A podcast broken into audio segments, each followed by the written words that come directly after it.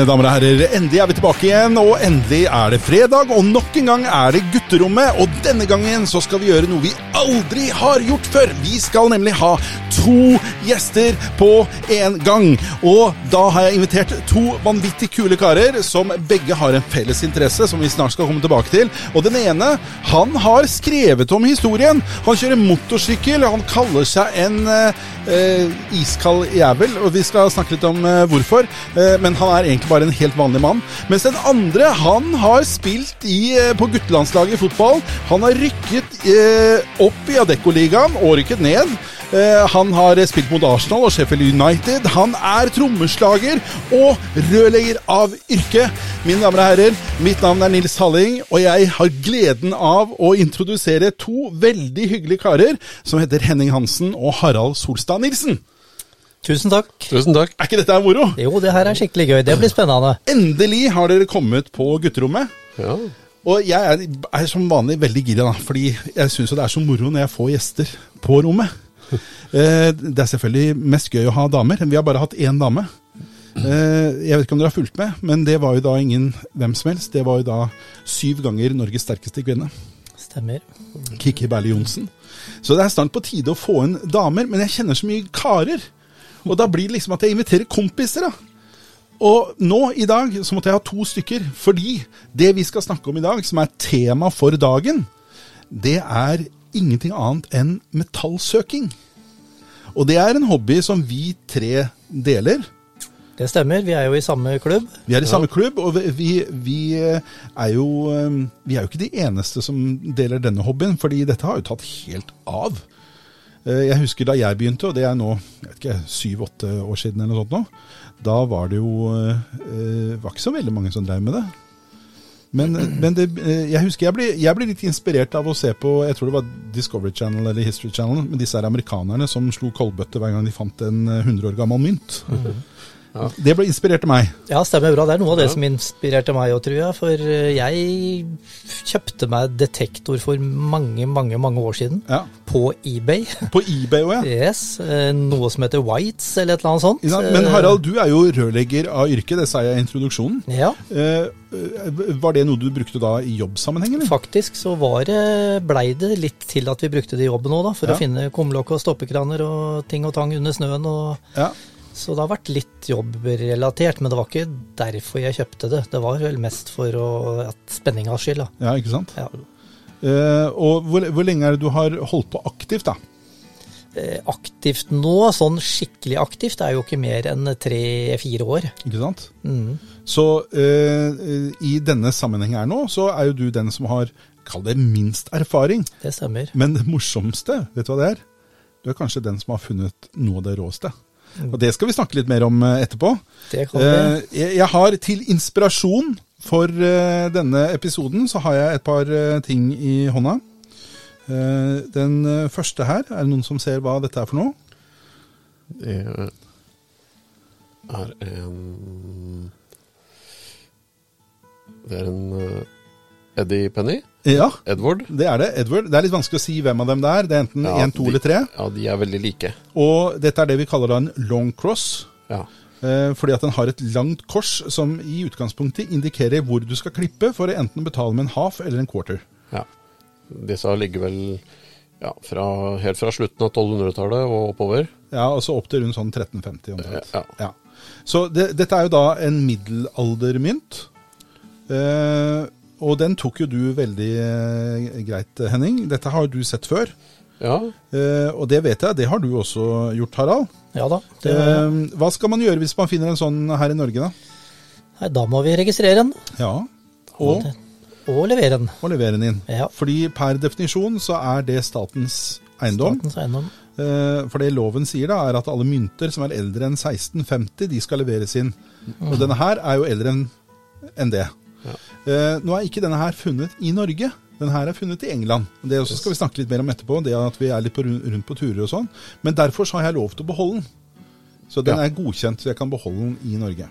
Men jeg har en annen ting også som jeg syns er litt morsom, da. Som også er funnet i England. Den måtte også vært levert inn hvis jeg skulle eh, hadde funnet den her i Norge. Men uh, nå hadde vi jo Elisabeth 2., var jo dronningen som nettopp døde, og overlot uh, roret til sin sønn uh, Charles. For øvrig den tredje. Riktig. Og de to første Charlesene de eh, gikk det jo ikke så veldig bra med. Nei? Er det noen som vet hva som skjedde? Nei, jeg kjenner ikke til historien. Nei, Begge to mista jo hodet. Ble Ja, jo ja, kappa stemmer, huet. stemmer. ikke sant? Stemmer, jeg har jeg hørt. Ja. Så han er jo nå forhåpentligvis den første Charles i historien som ikke mister hodet, men det vet vi jo ikke ennå, for den- så langt har jo ikke historien kommet. Men denne mynten som jeg har her, Yes. det er en mynt fra 1572. Ja, det er da Elisabeth den første. Det er Elisabeth den første. Og hun var jo en litt spesiell dame. Ja. For det som var litt spesielt med henne, var at hun var jo ikke spesielt grei. Og hun var ikke spesielt vakker. Så hun var både slem og stygg. Og dårlig likt. Det er veldig dårlig likt. ja, og det ser vi ofte på myntene, for at de er, de er eh, ofte veldig slitte på den sida som eh, Portrettet er. Portrettet er, ja. Ja. Og, og hvorfor det?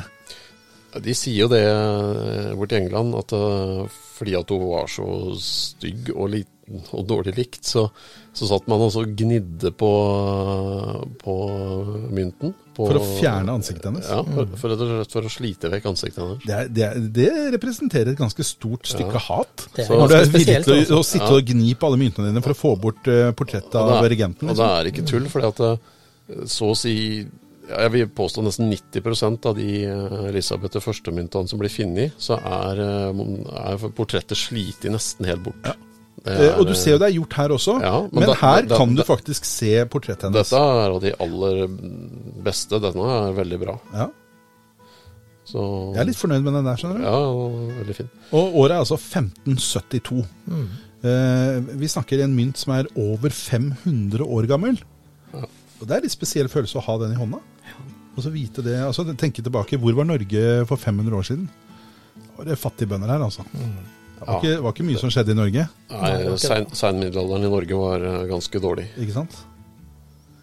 Så dette her er jo da en sånn hobby da, som vi har eh, sammen. Vi, eh, det er jo en sånn hobby som består av veldig mange forskjellige ting. Du har jo eh, interessen for historien, det er en sånn veldig grunnleggende ting. Sånn som det vi har diskutert nå. Og så har du jo interessen for teknologi, som også er litt drivkraft i dette her. Det er absolutt en del av det. Ja. Og så har du, eh, på toppen av det hele, så har du spenningseffekten. Ikke sant? Noen kaller det en skattejakt, men det er ikke vi noe glad i å si. Nei, vi, vi, vi liker ikke det, for at det er jo ikke Altså Det er jo ikke det som er motivasjonen for å, for å gå ut og finne skatter. Det er, det er jo egentlig ikke det. Det er jo mer det historie og, og, og spenninga. Ikke nødvendigvis eh, at man skal berike seg på det.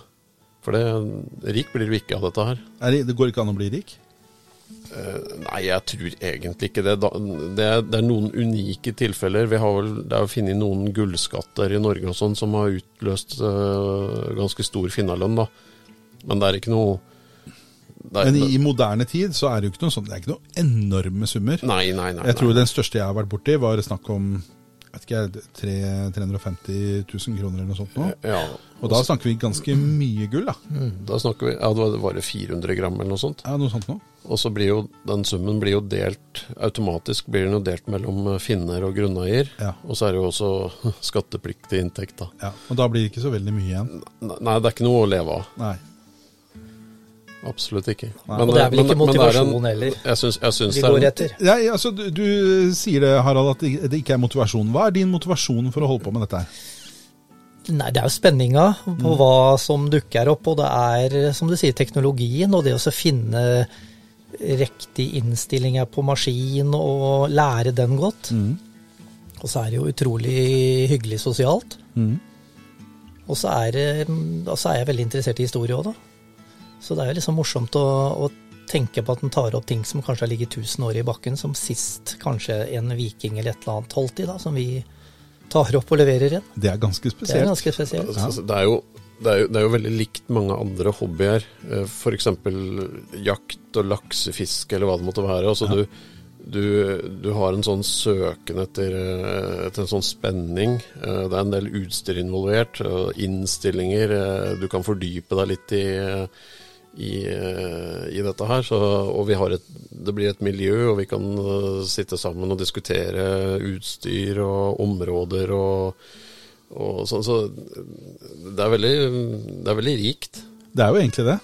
Ja, absolutt. Så, så, og vi har jo litt forskjellig tilnærming. Noen, noen, er jo bare ute etter å finne litt eh, mynter og, og liksom eh, sånn, mens andre er mer interessert i det gamle.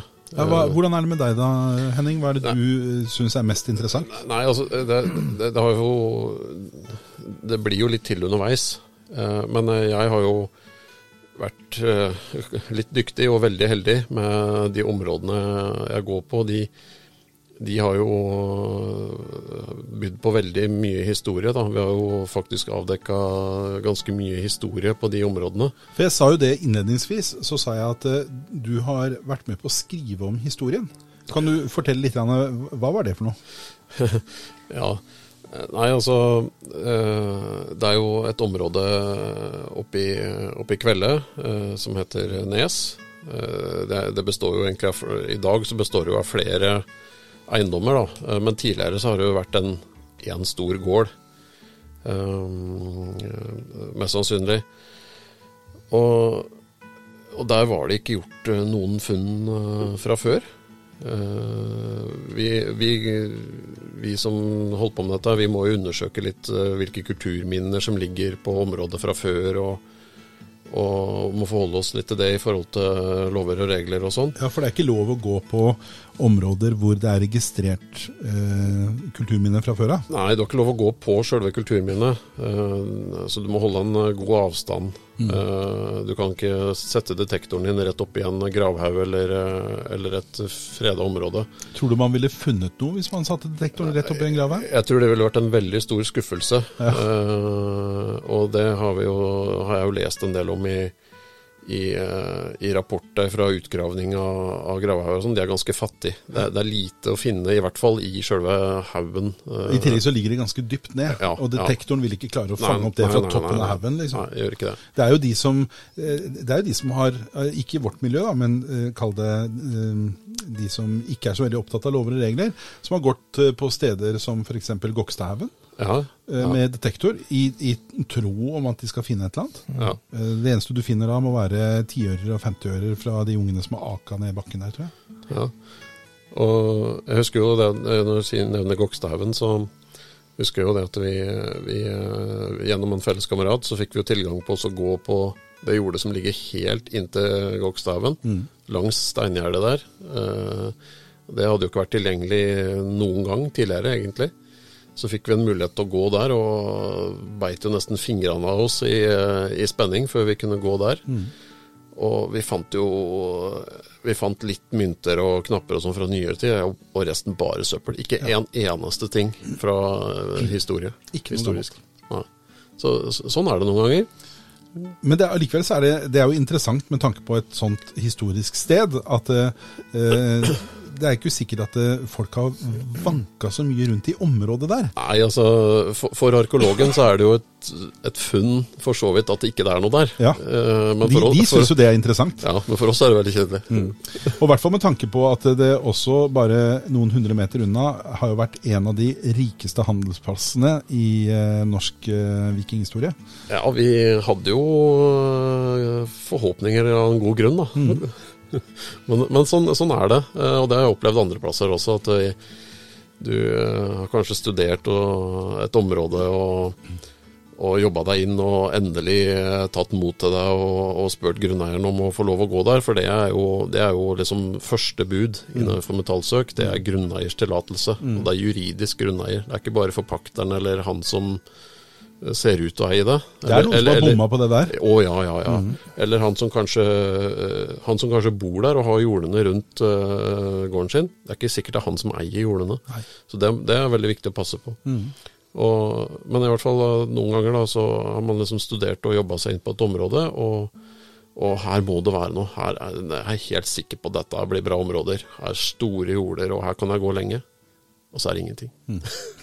Men du må jo fortelle mer om Nes. Ja, ja, ja, på, ja sånn, du, du, blir spent du nå. Ja, jeg lurer på den historien. Ja, Nei, vi spora litt av. Ja, nei, altså Nes eh, Jeg begynte jo litt andreplass her eh, rundt i kveld, og, og, gjorde jo en del funn uh, og sånn. Og likte meg veldig godt i området der. Og Eh, studerte litt uh, bygdebok, studerte litt uh, oldsagssamling. Uh, For du gjorde mye research rundt dette før ja, du valgte ut det området? Ja, tillatt meg å sa at jeg var litt dyktig og veldig heldig. Og mm. for det, I det så ligger jo at jeg har gjort litt research, da. Mm.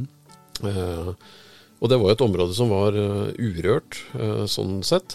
Uh, og det var liksom eh, Jeg tenkte liksom de svære områdene, kan det være noe der, liksom? Jeg så ikke noe sånn spesielt Tenkte ikke noe sånn spesielt om det, egentlig, men eh, det var et veldig fint område. Jeg tenkte jeg må i hvert fall spørre og prøve. Mm. Og, og, begynte der, og det var litt tregt med en gang. Traff ikke, traff ikke helt. Det er store områder. Eh, men så dukka det opp eh, noen eh, funn etter hvert, som i hvert fall motiverte meg til å, til å, fortsette på området. Og Jeg vet jo faktisk at det, det har vært to andre detektorister der før deg, ja. som dro derfra igjen, for de fant ingenting? Nei, de fant ingenting. Og jeg tror også det har vært en til. Mm. Som, men igjen, det er store områder, og, og ja, det har jo vist seg etterpå da, at det, det er jo kanskje noe overalt. men det er også Du kan gå mange timer uten, uten å finne noe som helst, mm. selvfølgelig. Uh, og så plutselig så kommer du på ett lite område hvor det bare er bonanza. Ja, eh, det gjorde jo det. Uh, Men det som var litt spesielt med dette området, det var jo det at uh, der har det jo vært utgravninger før. Ja, og, og, og, det var litt det som var også litt researchen min. Det hadde jo vært et, et kjempestort gravfelt, oppdelt i flere grupper.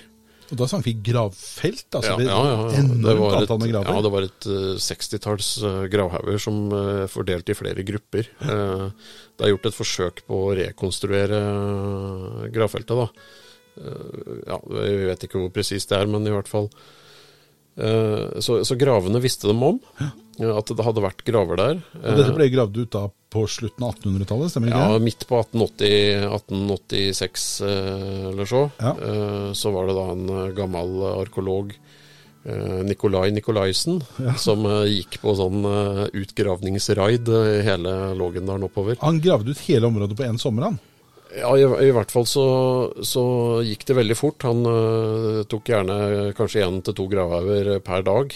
Han leide inn um, Eller han tok inn et lokalt lag så, med gravere? Med gravere.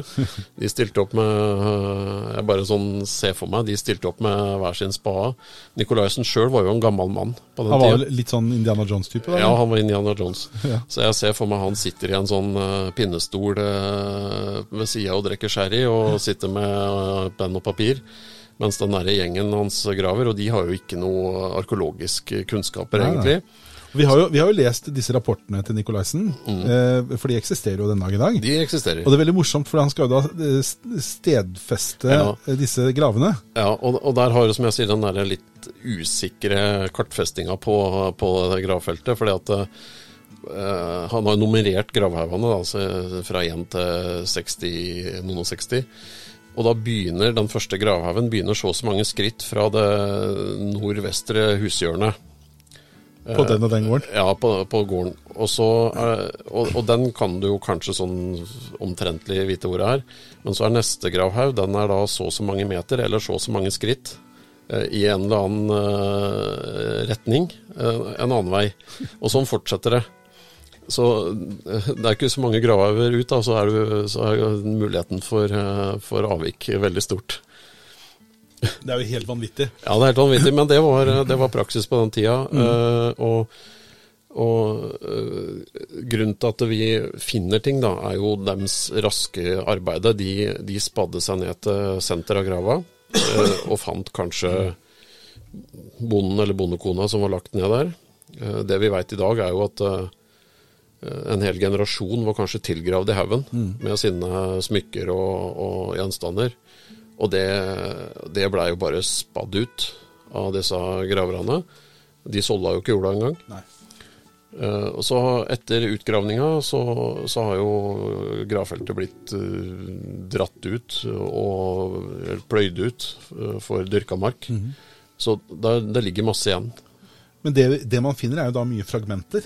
Ja, for det, det, er klart så mange år med gårdsbruk, pløying, og nå de siste tiåra med, med store landbruksmaskiner, så blir jo disse Det er jo ganske små og skjøre ting der, så de blir knust. Men jeg sa jo det at du har vært med på å skrive om historien. Så hva, hva er omskrivingen av historien? For vi visste da fra før at dette var et gravfelt? Ja, vi visste om gravfeltet. Eh, så, så at vi fant, eh, begynte å finne, finne sånn klesspenner og sånn fra vikingtid og spinnehjul og sånne ting, det, det var ikke noe overraskelse. Men eh, så et, etter hvert som man jobba seg gjennom området, så, så, begynte vi også å finne noen sånne merkelige mynter. Sånne biter, oppklipte eh, arabiske mynter. Mm. Eh, deremer. Eh, og også en del sånne vektlodd. Og det, det er jo en indikasjon på handel da, eh, fra vikingtid. Mm. Så da, eh, på, vi, vi, hadde jo ikke noe myntsystem i Norge på, på vikingtid.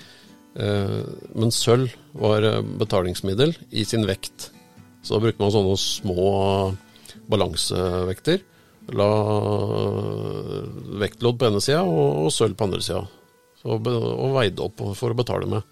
Og på Nes har det jo da dukka opp veldig mye, veldig mange sånne myntklipp. Helt, helt uvanlig mange. Det blir jo funnet noen litt sånn rundt her og der, men på Nes har vi funnet veldig mange. Og også funnet mange vektlodd. Så det er en veldig sterk indikator på, på handel, mm. handelsplass. Vi har funnet litt uh, slagg, uh, smelt, tyder på smie.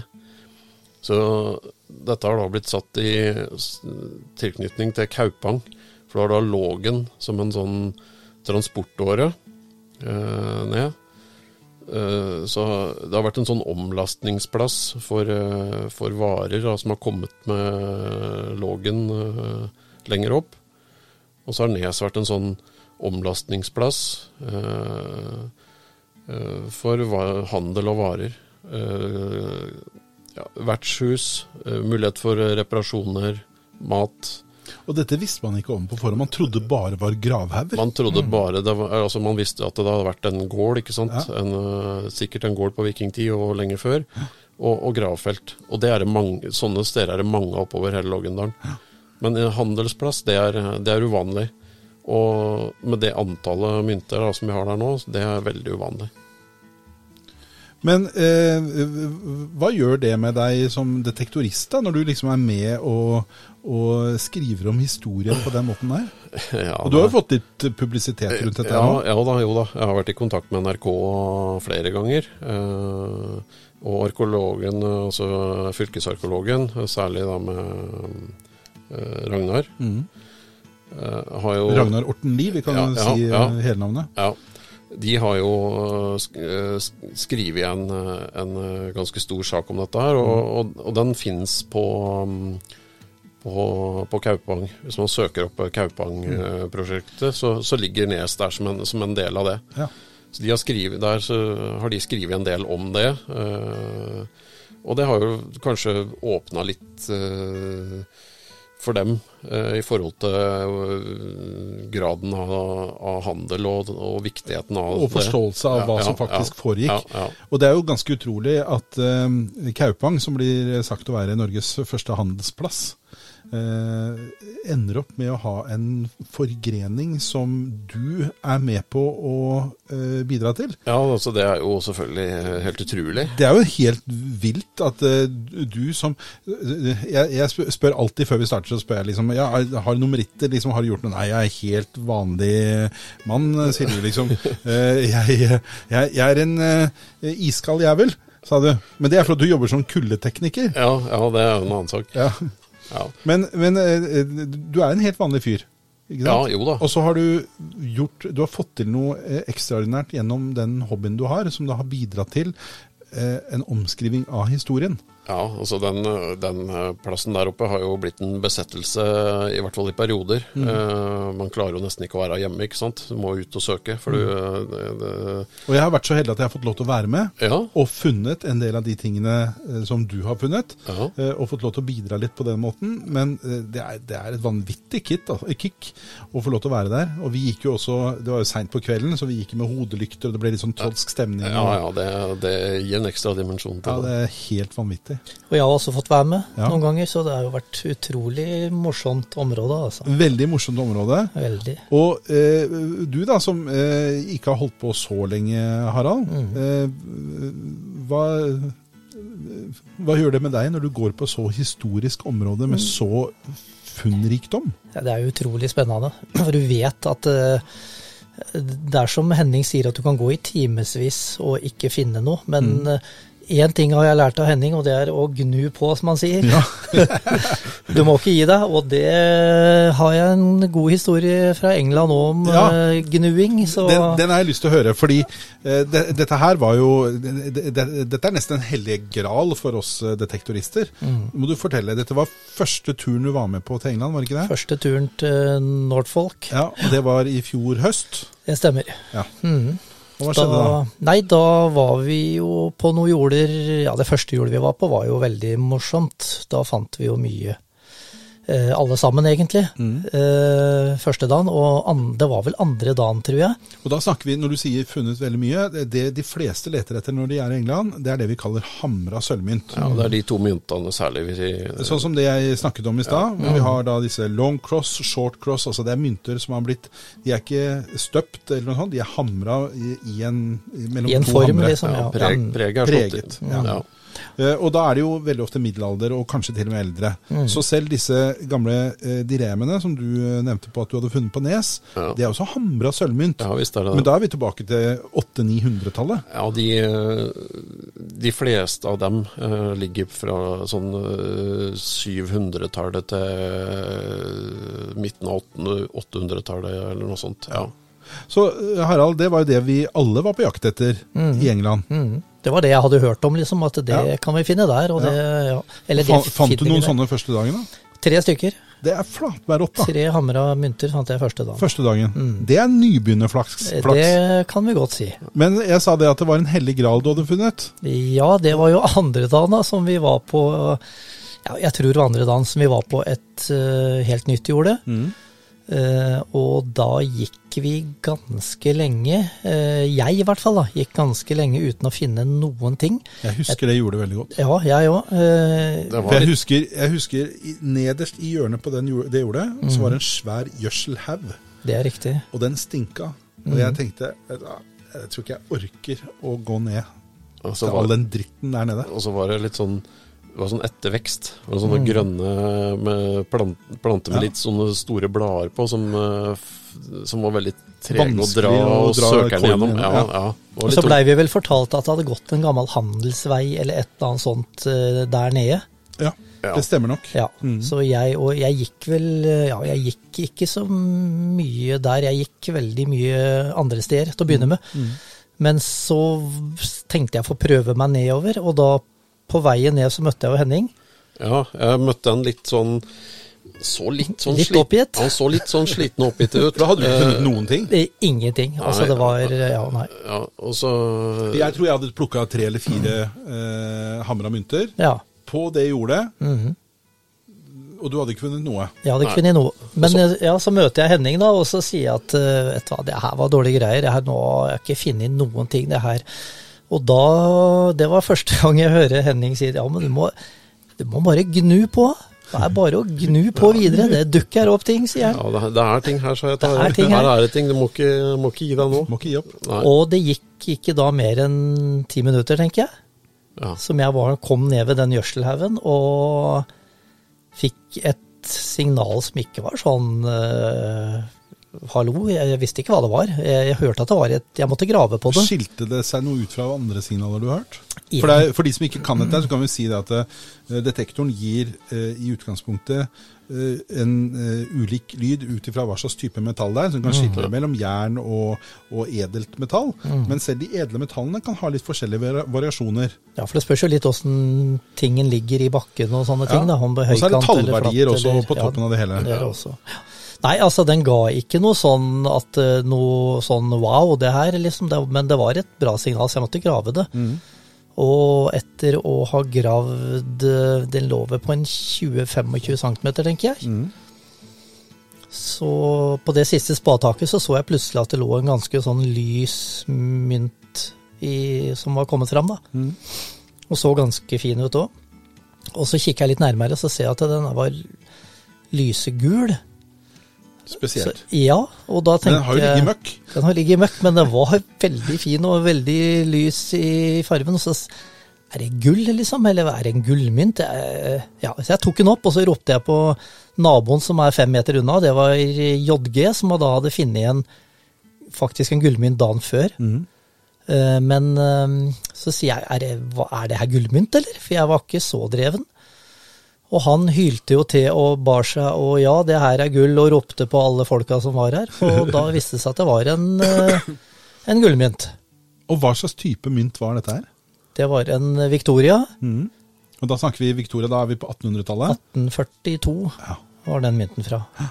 Og den var veldig fin. Veldig strøken og fin, faktisk. Den var Ja, det det, vi kan kanskje legge ut et lite bilde av den på sosiale medier. Ja. Eh, sånn at folk kan få se hvordan denne mynten faktisk ser ut. For den var jo utrolig flott. Mm. Ja da, det kan vi gjøre. Men vi snakket om dette med å bli rik. Ja. Man, man, blir ikke rik av å holde på med det vi gjør. Nei. Men uh, en sånn mynt som det, har den noen verdi? Jeg vet jo det er gull, så den har i hvert fall gullverdi. Men hva anslår du? Nei, altså jeg, jo, jeg, måtte jo sjekke litt, fordi at uh, de her guruene som vi samarbeider litt med i England, han mm. også blei jo veldig imponert over den. Og vi mm. sjekka litt uh, hvilken type det var, og det var visst uh, De Victoria-myntene de fins med ungt ansikt og litt eldre ansikt. Mm.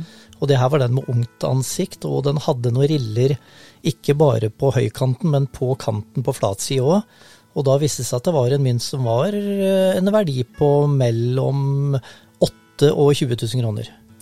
Det er jo helt uh, fantastisk. Mm. Uh, man blir jo ikke rik av det, men allikevel så er det jo en, det er en hyggelig, hyggelig ekstrainntekt. Ja. I den grad man har lyst til å selge den. Men kjenner jeg deg rett, Nei, jeg selger ikke så det. Selger du ikke den. Nei, nei, den, det er et så godt minne at det kan ikke selge sånt. Det går ikke an. Nei, det ville ikke jeg gjort heller. Nei, det går ikke an. For det er, det er ganske spesielt ja. å finne en sånn en. Det er det. Ja. Ja, jeg... Det er ikke sikkert jeg gjør det igjen, så det eh, Har du aldri solgt en mynt? Nei. Nei. Hva med deg, Henning? Har du solgt en mynt? Nei, det har jeg ikke. Det, og det kommer jeg ikke til å gjøre heller. Aldri? Nei, da, da, må det være noe sånn veldig spesielt, altså.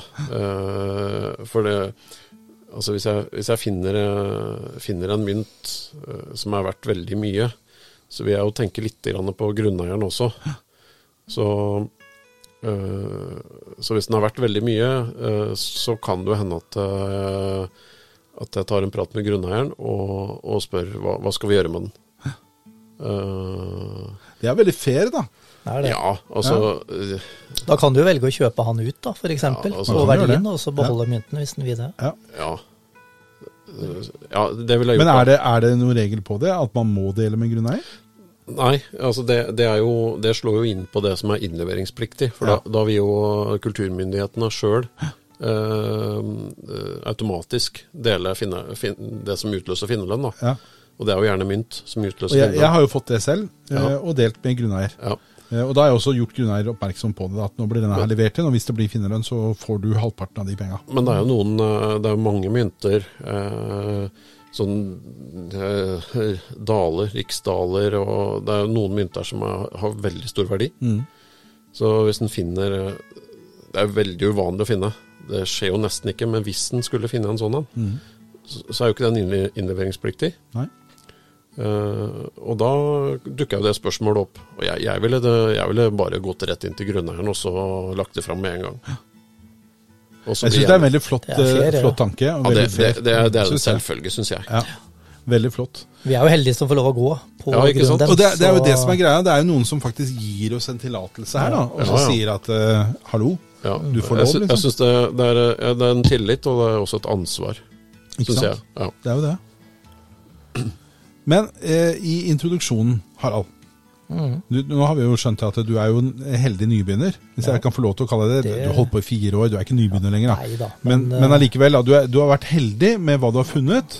Helt klart. Eh, og jeg syns å huske en eh, englandstur i våres også, hvor du var rimelig heldig der òg, men vi Ja skal ikke rippe opp i det. Nei da. Men eh, jeg sa, da jeg introduserte deg helt på begynnelsen av eh, dagens program, så sa jeg det at du har eh, spilt på guttelandslaget i fotball. Ja.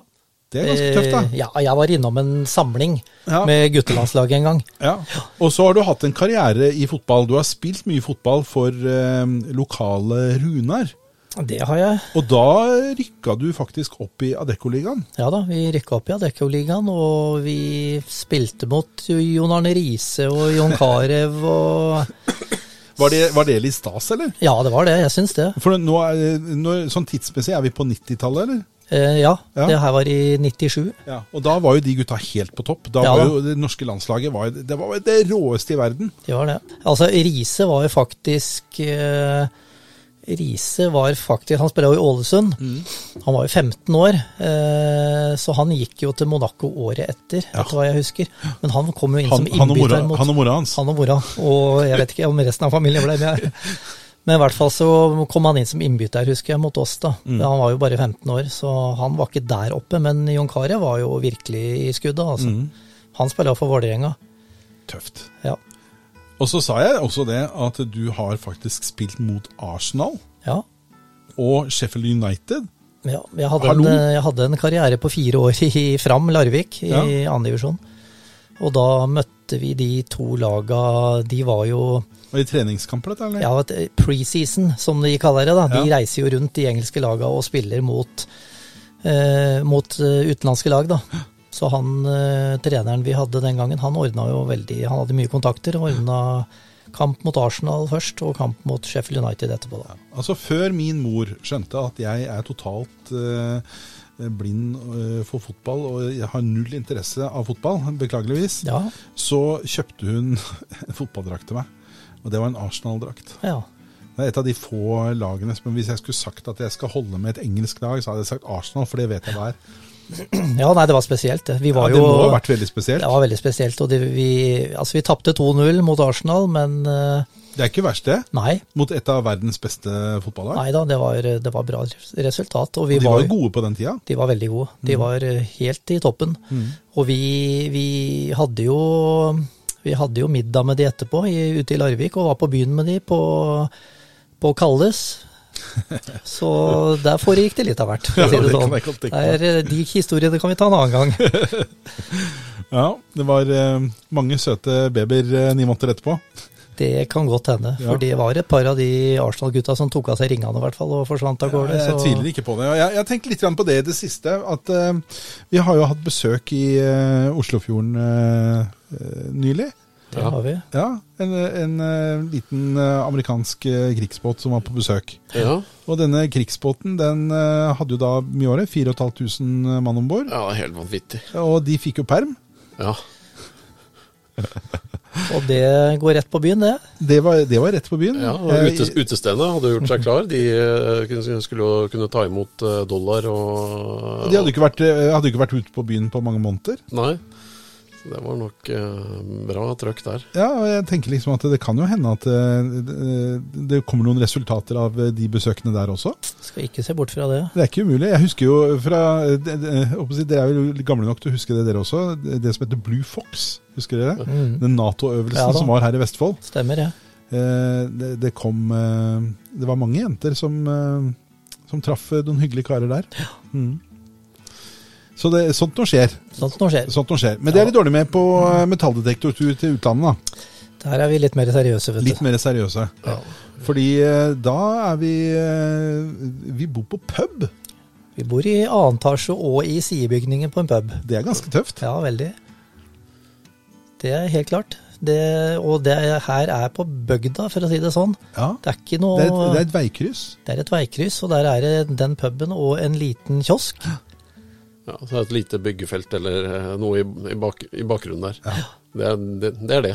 Det er det som er der. Det er det, ja. Og så er det masse jorder. Mm. masse- Langt ute på landsbygda.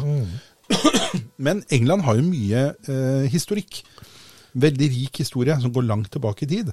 Og det er kanskje noe av det som gjør at det ligger så mange lag med historie her, som man kan finne med metalldetektor. Ja. Det er det, og de, er jo, de har jo holdt på, men det er rart å tenke på at de har Hvor mye de har gått der nede, og hvor mange Altså, de har jo detektorturister fra både USA og, og gud veit, holdt jeg på å si. Og hva er det de sa nå sist vi var her nede, at det var over 70% av jordene som ikke var gått på? Og det kan jeg godt tenke meg. Mm. For det er, jo, eh, det er jo et stort jordbruksland. Ja, du Eh, ser det fra- ser man når man flyr over. Ja, og ser, sitter i flyet, så er det jo bare jorde på jordet. Du, du ser jo nesten ikke bebyggelsen, du ser bare jorder. Og det sier jo litt om hvor mye eh, eh, Hvor lenge det har vært dyrka der. Men det er sikkert mange som lurer på hvorfor går vi på jorder? Kan du si litt om det, Henning? Ja, altså eh, Det er jo noen som går i, i, i skauen nå, mm. og på gamle, gamle ferdselsår. Postruter og handelsruter og sånt noe. Men det er veldig vanskelig med vegetasjon, eh, hard jord med stein, eh, vanskelig å grave og sånne ting. Så jordene er veldig, er veldig lett og greit å gå på jordene. Og så er det jo, i hvert fall i Norge, da, så er det jo, eh, er det jo gjerne rundt gårdene, de gamle gårdene, at det er noe funn. Eh, Det var jo lite folk i Norge. Eh, Så, så du har ikke den utstrekninga som i England, så hvor det har liksom vært mye folk overalt hele tida. Ja, fordi midt ute på et jorde så kan det ligge gamle romerske tufter Ja, i England. England så går jo de, de, Mens her i Norge så finner du ikke det. de romerske veiene går jo på kryss og tvers over, eh, over eh, jordene Ja. i England eh, overalt. Men jeg har jo hørt uh, mange historier fra bønder. Når jeg snakker med bønder, så spør jeg liksom hva vet du om området og sånt noe, og da sier jeg at ja, nei, nede på jordet der så lå det en husmannsplass. Ja. Det har uh, bestefaren min fortalt meg. Ja. Og da, da tror de automatisk at da må det være noe å finne der. Ja. Men de husmannsplassene var ofte så fattige. De, ja, altså, det er bare spiker som ligger igjen. De hadde jo ingenting. Nei. Nei. Så, så, så som regel så er det ikke noe å finne der. Og det som ofte er, er at øh, bøndene, grunneieren, de kan jo liksom historien, gårdshistoria si ned til, ned til kirkebøkene. Da. Kanskje, kanskje ned mot 1600-tallet. Eh, men de, de, de er ikke klar over engang at det var en gård der på vikingtid. At eh, gården deres, kanskje eller huset deres, ligger oppå tuftene fra det huset som sto der på vikingtid. Det må jo være veldig gøy å få vite den historien. det er jo det metallsøk bringer inn, for Ja. vi kan være med og så eh, belyse litt den historien som de ikke vet om. Fordi eh, den norske liksom eh, bondekulturen, bondehistorien, den, den er liksom sånn fra, fra slutten av 1600-tallet og oppover. De tenker liksom ikke på eh, For kjerkebøkene, de begynner jo ofte der. Uh, før det kunne nesten ikke folk lese og skrive. Så, så vi vet veldig lite uh, egentlig før det, sånn sett da. Så det er metallsøk eh, veldig eh, Så det du tenker da, er at, at eh, det å få besøk av en detektorist på gården, mm. som da er seriøs og tar hobbyen seriøst, det vil være kanskje til en berikelse for gården, sånn historisk sett. Ja, det kan absolutt åpne, åpne opp dører til en historie mye lenger tilbake enn det bonden sjøl var klar over. Det, det, det skjer. Det skjer. Men Harald, hva slags utstyr er det man trenger da, for å eh, begynne med metalldetektor? Nei, da må du jo kjøpe deg en detektor først, da. Selvfølgelig. Og, og det, der er det jo mye å velge mellom. Og jeg har jo sett at Jula selger jo noen. ja. Eh, de koster jeg vet ikke, 1500 kroner eller noe sånt nå. De er vel mest å finne kumlokk i gata med, tror jeg. Ja, du tror det? Det er vel den sikreste, tror jeg. det er den sikreste måten til å, til å ikke komme i gang med denne hobbyen. Ja. Fordi at det, det rett og slett ikke funker. Ja, jeg tror du blir, da tror jeg ikke du blir bitt av basillen. Hvis du begynner med så dårlig utstyr, så tror jeg du finner så lite spennende at Og du finner så mye annet, du finner så mye søppel at det Ja. Men jeg husker fra jeg selv begynte med denne hobbyen, da Eh, så syns jeg det var så vanskelig, for det var en jungel av det. produkter. Jeg syns det var så vanskelig å finne ut hva skal jeg velge. Det så det, det, jeg gjorde den gangen, da, var at jeg så jo på dette programmet på History Channel med disse gærne amerikanerne, mm. og så kjøpte jeg akkurat sånn detektor som de mm. hadde. Det var litt av det jeg gjorde med den Whiteson, for det var ja. også en sånn amerikansk sak. da. For det, de hadde jo da eh, amerikanske Garrett mm. eh, og en maskin som het AT Pro. Mm. Det kosta den gangen 8000-9000 kroner eller noe sånt. Nå. Så det var jo en forholdsvis kostbar detektor. Ja visst. Og det må du jo kjøpe litt i da òg, hvis du skal Eller i hvert fall du må ja, Må man opp i den summen? Nei, men du må nok opp i 4000-5000 kroner, vil jeg tro, da. Ja, ja enig. For ja, å få noe som er litt For å få noe som kan bli litt gøy. Eh, det må du. Og så må du jo ha en pinpointer. Ja for å finne den lille tingen i jorda der. Da må du fortelle, hva gjør en pinpointer? Den er jo en mer, mer Det er jo en liten, uh, liten sak. En liten metalldetektor, da. Ja, noen kaller det en finsøkingsprobe? En finsøk, ja, det er jo det det er. For at den, uh, når du har gravd opp hullet, så er det ikke så lett å se i all den jorda da hva, hvor ligger tingen. Nei. Så da er det å gå i finsøk med pinpointeren og finne nøyaktig der han ligger. da. Og det reduserer jo tiden du bruker på å lete etter gjenstanden. Veldig. Og jo fortere du klarer å finne den gjenstanden, jo fortere kan du grave et nytt høl ja. etter en ny gjenstand. Ja. Så, Hva annet er det man trenger, da? Nei, Du trenger jo en spade å grave med, da. Mm. Eh, så må du jo ha du må jo ha litt, eh, litt utstyr sånn til å legge ting i og ta med sånn søppel i og sånne ting. Ja, Både funnpose og søppelpose. Mm. For det blir jo ting en graver eh, som ikke er noe å ta vare på, og det må vi jo ta med oss. Og eh, søppel, altså hvor mye søppel snakker vi om da? Eh, ja, så der har du litt eh, hva du betaler for detektoren, egentlig. Så det også har en sammenheng, da? Det har jeg. Så jo mer du betaler for detektoren, jo mindre er sjansen for at du graver søppel? Ikke nødvendigvis, da, men eh, jo mer du setter deg inn i detektoren, tror jeg. Mm.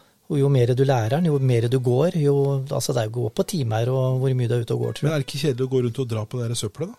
Det tenker du ikke så mye på, egentlig. Jeg tenker ikke så mye på det. Hvorfor er det viktig å ha, ta med seg søppelet? Det kan jo havne i dyrefòr og litt av hvert, det da. Ja, hva skjer da?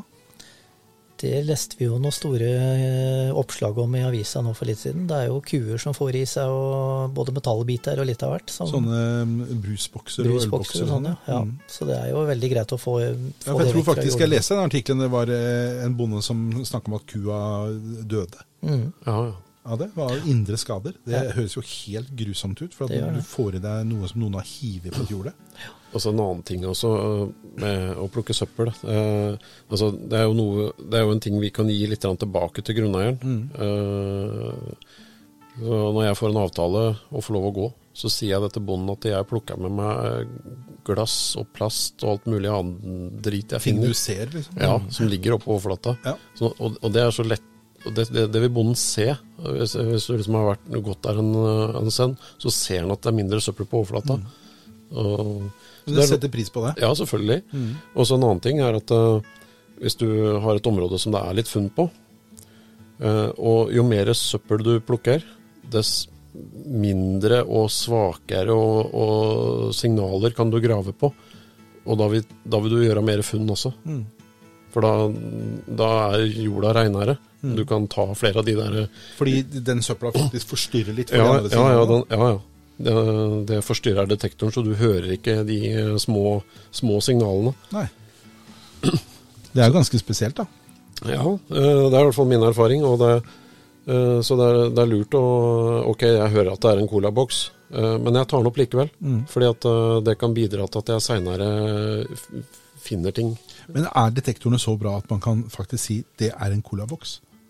Ja. Øh, en, en middelklasse detektor oppover og et godt trent øre vil kunne høre på en måte størrelsen og litt fasongen på å gjenkjenne på, på metallkvaliteten, altså om det er aluminium eller Ja, så du kan, du kan faktisk eh, identifisere en colaboks.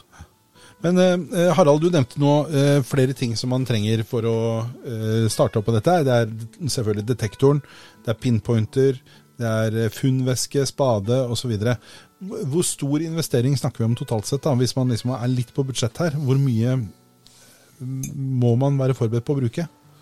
Mm, nei, du må vel være Nei, altså du får jo, hvis du kjøper en detektor til 4000-5000 kroner, mm. så må du ha en pinpointer til rundt en 1000 kroner hvis du skal ha en ålreit en. Men spade er jo forholdsvis rimelig på både Jula og Biltema.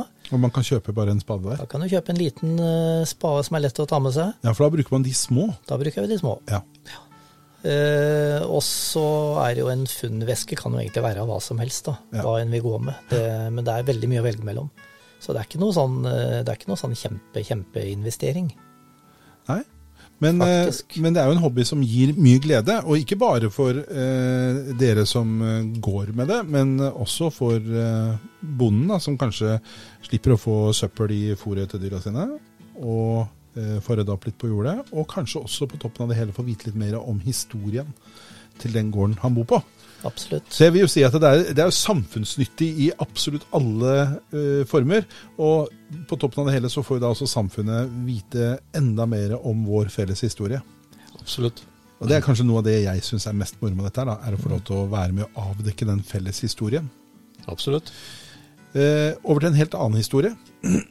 Det er sånn at det, alle som er gjester på uh, gutterommet, de får en utfordring. Og det gjelder dere også. Fordi eh, som dere ser på siden her, så henger da eh, gutterommets uh, Wall of Fame. Her står topplista over de som har gjort det best i denne lille uformelle quizen vår. Som består av disse kortene eh, som er hentet fra et såkalt gullgeni fra år 2000. Jeg ser at Cato ligger nederst. Ja, det, det, skulle vi ikke nevne så høyt. Okay. Men du, jeg vet du kjenner Mange poeng har Cato? Han, han, han, har bedt om å få lov til å komme tilbake. Ja. ja. Er, Både han og Edgar. Så hvis vi kan slå de, så føler jeg vi har gjort en grei jobb i dag. Men, men så er greia her, da. Dere er jo to. Så dere får jo nå en, en, kanskje noen vil si en urettferdig fordel. Ja, men vi er, er veldig små, vi er ikke så store. Nei, men, men, dere skal da få lov til å samarbeide. Det er fordelen av å være to stykker på programmet. Dere skal få lov til å samarbeide, men dere skal trekke hvert deres kort. Okay. Ja, det, det, er fair, det, ikke sant? Ja, ja, Så rekorden er da seks riktige mm. av tolv spørsmål. Så eh, med tanke på at dere er to, så vil jeg tro at dere bør nærme dere den rekorden. Så det jeg gjør nå, nå holder jeg disse kortene opp foran dere. Så kan eh, eh, Henning, du kan få trekke først. Skal jeg trekke først? Skal vi se Den. Sånn, Og så er det Harald sin tur. Sånn, ikke se på kortet. Du må ikke se på det. Jeg kan få det. Sånn. Ja. Thank you. Da har dere fått uh, hvert deres kort, og jeg har fått de tilbake. Og da tenker jeg, mine herrer, at vi rett og slett bare gjør klar til quiz. Og det er sånn quizen høres ut. Da vet alle at nå eh, er vi klare for quiz. Og vi har jo da eh, disse to flotte gjestene våre, Harald eh, og Henning, som eh, nå har trukket hvert sitt kort. Dere skal få lov til å samarbeide. og eh, vi skal eh, Nå skal jeg ta med brillene, så ser jeg litt bedre. og da begynner vi med første. Eh, I hvilken by finner man den berømte Gullbroen? Hva tenker dere? Oi. Den berømte Gullbroen. Den tror jeg ikke jeg har hørt om engang, men uh... Nei? Nei, det, den, den kom ikke jeg også. Ja, skal vi bare komme med et forslag, da, eller? Eh, kan det være noe sånn Moskva eller noe Det hørtes jo veldig rikt ut, da. Så. Ja. Uh, St. Petersburg. ja, Dere er på Russlandssida begge to? Ja, vi er det. Ok, Hva går dere for? Nei Nei Jeg tenkte Moskva, men Ok, uh, Da gjør vi sånn. Jeg vet ikke om du hørte den bakgrunnen der, men det var feiltonen, ja. fordi det riktige er Firenze. Ja. Eh, ok. Eh, Valentina eh, Tereskova var den første kvinne som prikk, prikk, prikk Første kvinne som gjorde hva? nå syns jeg det er vanskelig, Nils. Nei, det er ikke jeg som er vanskelig, det er dere som har trukket korta. Det er, det er jo noen damer som har flydd over i engelske kanal og sånn. Men Skal vi ta utgangspunkt i det, eller? ja, hvorfor ikke? Er du enig? Ja, ja. Ok. Det er feil. Og riktig svar er den første kvinne som oppholdt seg ute i rommet. Oh. Neste spørsmål. Hvilken norsk film ble nominert til Oscar for beste utenlandske film i 1987? Oi. Beste Veldig, Utenlandske film. veldig gamle spørsmål. Ja, det er jo det. 1987. Du er, litt, du er litt eldre enn meg, Harald, så Norsk film. Ja. Eh, eh, eh, En stor film, altså. ja, det kan jeg si. Kan det være den der eh, åh, samesaken? Vei, veivis. Veiviseren, ja. Det var riktig. Oh. Veldig bra jobba. Ja, har vi i hvert fall slått godt opp. Ja, Veiviseren. Da Ett gir vi poeng. oss der. Nei da. Ett poeng. Eh, neste spørsmål. Hva het lederen for Kompani Linge?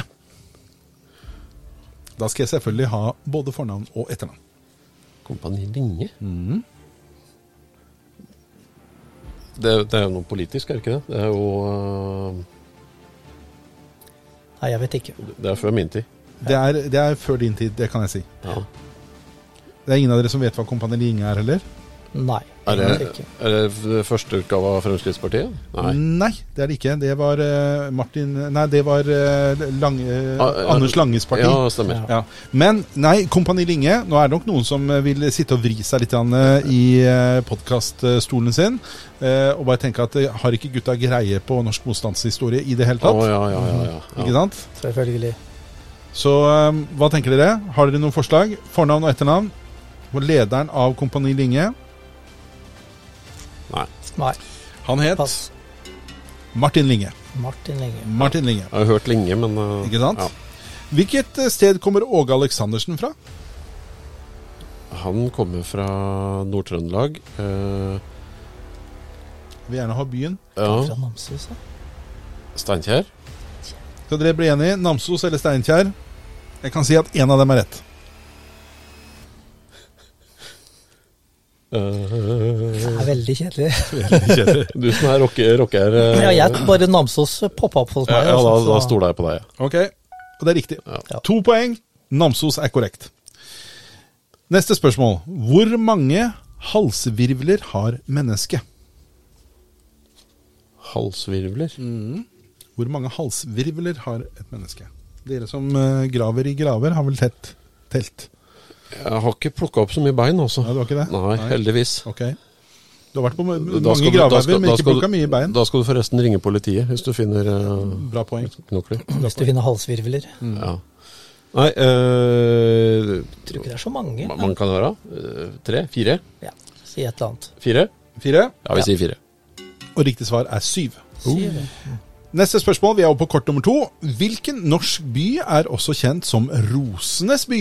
Ah, Det er Molde. Det er Molde, vet du. Og der kom det tredje poenget. Bra jobba. Sovjetunionen ble eh, først til å sende opp eh, satellitter. USA nummer to. Men hvilket land ble i 1965 nummer tre Oh. Uh, nummer tre. til å sende opp satellitter? Var det Japan? Er det svaret deres? Nei. Nei, kanskje ikke. Nei. Det er ikke Kina heller, vet du. Selv om det burde vært det, men Nå må jeg be om å få et svar. ja, nei, ja.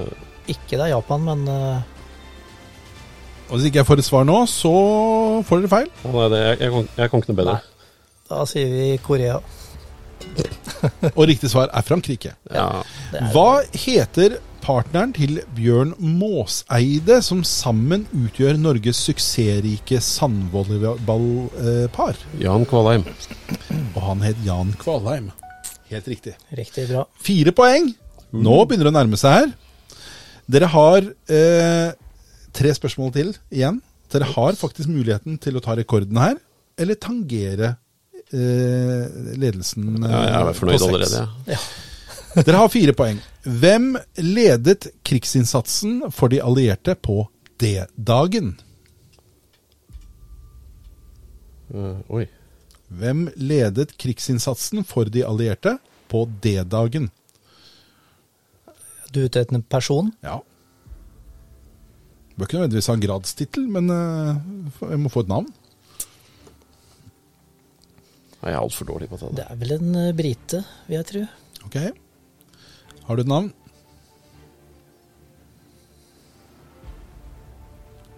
Fem sekunder. Nei, jeg er helt blank. Nei. Tre, to, Sånn Roosevelt eller noe. da. én. Nei, jeg, jeg, jeg husker jeg, jeg, jeg, Churchill. Er Churchill svaret? ja, ja, ja. Og riktig svar er general Dwight D. Eisenhower. Ah, okay. Den hadde jeg ikke klart. Dere har to spørsmål igjen, Ja. og neste spørsmål er hvilken gruppe har gitt ut albumene OK Computer og Pablo Honey? Det er ikke i min uh, gate. Er det pass? Røyksopp? Nei, jeg vet ikke. Det er ikke Røyksopp. Nei. Nei. Det er jo Harris. det- Det er Radiohead. Ja. Ok, dere har altså fire riktige. Dere har én mulighet til for å få et poeng. Det siste spørsmålet er Hvilket metall er det eneste metallet som er flytende ved vanlig romtemperatur? Uh, magnesium? Er det deres endelige svar? Ja.